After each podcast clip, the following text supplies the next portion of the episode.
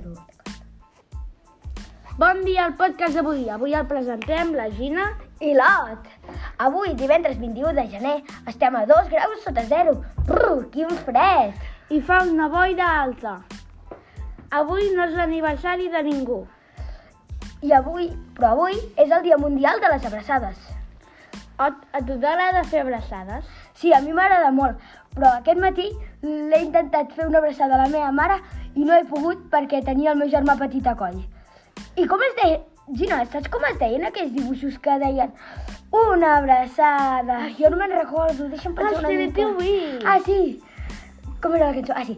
Tinky Winky, Dipsy, la la, po, Teletubbies, Teletubbies, una abraçada.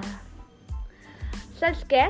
Que saps aquelles abraçades que et fan els avis i que no et deixen ni respirar? Sí, tens raó, a, a mi alguna vegada m'ho han fet, però poques. I que t'agafen molt fort i que llavors eh, t'apreten super i fas algun moviment perquè et deixin estar, perquè...